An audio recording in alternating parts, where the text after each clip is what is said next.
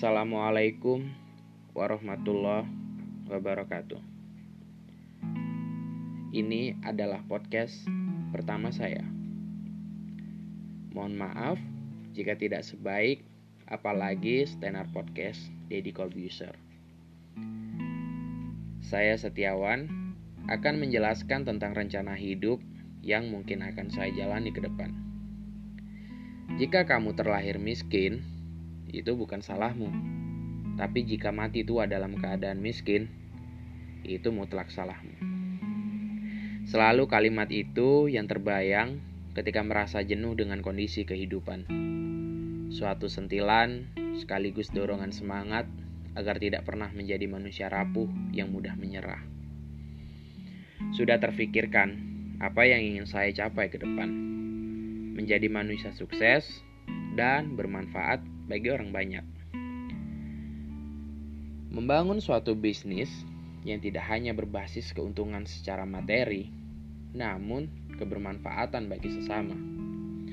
Ingin sekali dapat menyaingi sukses Shopee dan Tokopedia dengan nilai jual saham hingga angka triliunan. Saya akan sedikit bercerita tentang fondasi startup yang mungkin bisa besar di masa depan. Startup impian saya tentunya. Menurut saya, bisnis itu bukan hanya tentang menjual pakaian dan makanan. Bisnis itu tentang menjual solusi dari sebuah permasalahan.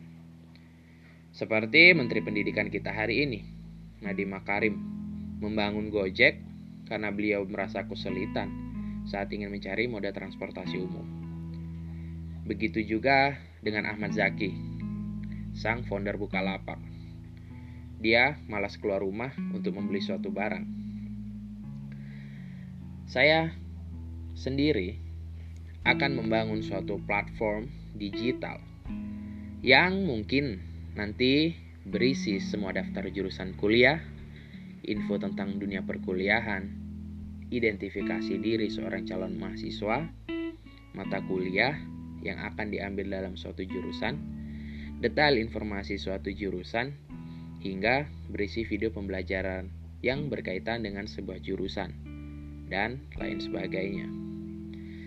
Terdengar sangat tidak inovatif, terkesan menjiplak konsep Kuiper dan ruang guru. Sebenarnya tidak juga. Yang kita temui sekarang adalah platform belajar ilmu-ilmu dasar, ilmu SMA, ilmu SMP, dan ilmu SD. Belum ada yang membahas tentang dunia perkuliahan. Kenapa saya anggap platform ini nantinya menjadi sebuah solusi.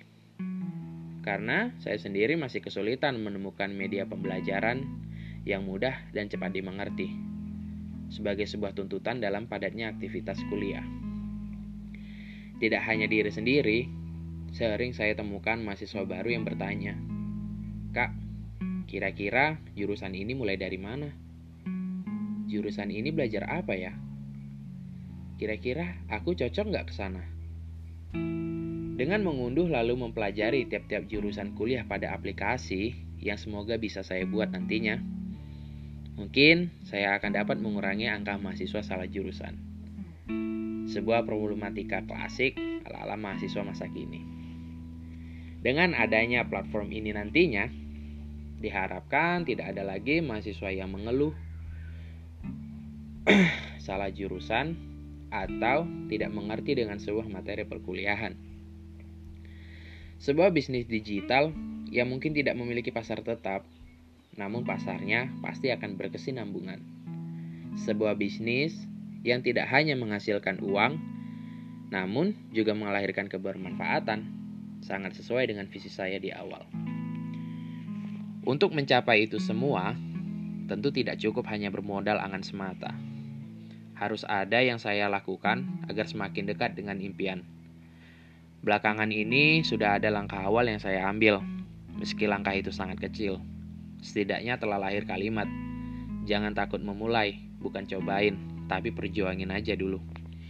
Bisnis digital adalah bisnis berbasis teknologi. Sebuah aplikasi harus lahir sebagai sarananya. Aplikasi dilahirkan melalui ilmu pemrograman, atau biasa dikenal sebagai coding.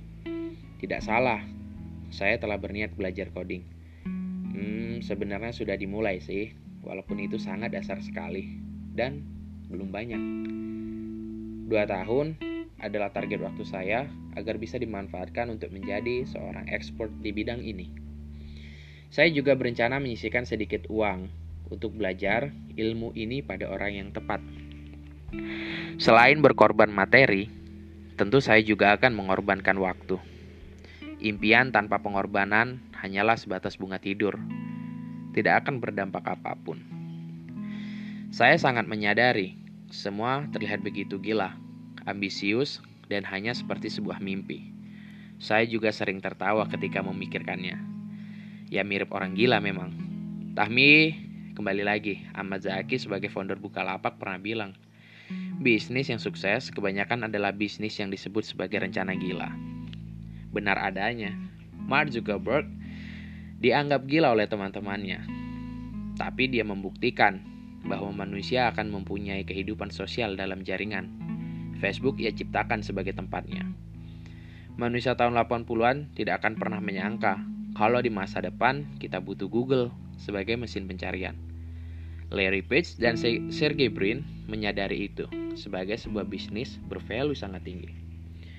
Pada akhirnya, siapa pun kalian yang berkenan mendengarkan podcast ini, saya ucapkan terima kasih. Mungkin kita miskin harta hari ini, tapi jangan sampai kita miskin ilmu, apalagi miskin semangat. Mungkin semua terdengar gila hari ini, tapi buktikan bahwa kegilaan bisa jadi jalan kesuksesan.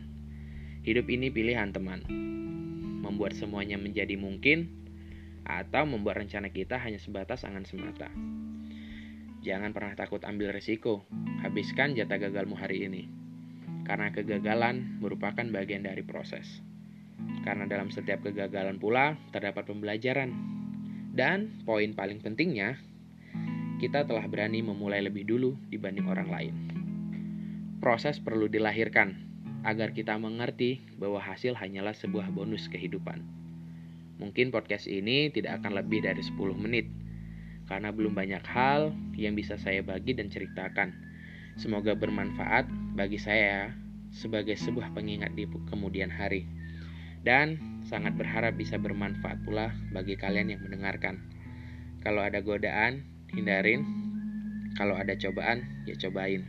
Assalamualaikum warahmatullahi wabarakatuh.